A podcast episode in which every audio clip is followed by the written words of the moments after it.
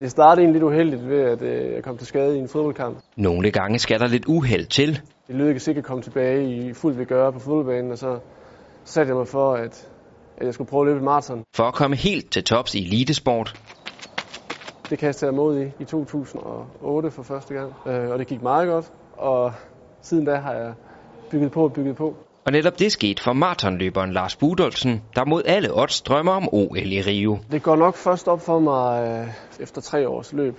Øh, der kan jeg se, at nu begynder jeg lige pludselig at nærme mig eliten herhjemme. Og, og får en, øh, min nuværende træner, Claus Hækman, øh, hvor vi får sat nogle ting mere i system øh, og får struktureret min hverdag lidt, lidt, lidt bedre. Fra dag har jeg ligesom vidst, at når først jeg var under 22 på maraton med det, den indsats, jeg, jeg havde lagt i det, så kunne det også godt komme væsentligt yderligere ned.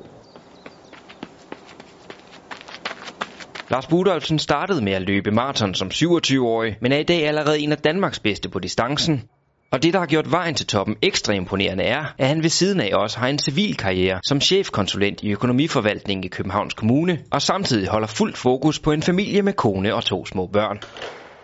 Jeg sidder heroppe øh, på anden sal, og nu skal vi lige op og, og kigge lidt på det. En typisk dag vil stå i øh, et, et træningspas, øh, et restaurationspas på en 6-8 km om, om morgenen, øh, aflevere vores ældste pige og tage på arbejde. Og øh, umiddelbart efter arbejde, eller når øh, børnene er puttet, øh, ud og lave det andet træningspas. Og så igen øh, samle op på det løse fra arbejdsdagen øh, om aftenen. Selvom det kan lyde som et hårdt program, ser maratonløberen store fordele i, at han skal balancere de to karriereveje. Jeg føler stort fysisk overskud og sådan set også mentalt overskud ved at og, øh, og også at, at kunne, kunne, kunne præstere på den måde, man skal kunne præstere inden for elitesport. Det synes jeg, man kan tage med sig ind i, i arbejdslivet i den grad.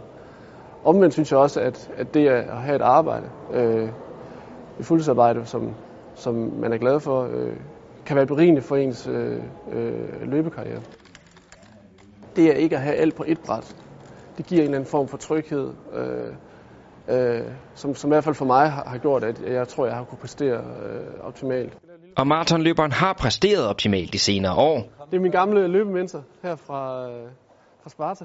ikke mindst fordi at opbakningen fra familien giver ham frihed til både at gå efter sin civile karriere og OL. Det betyder alt.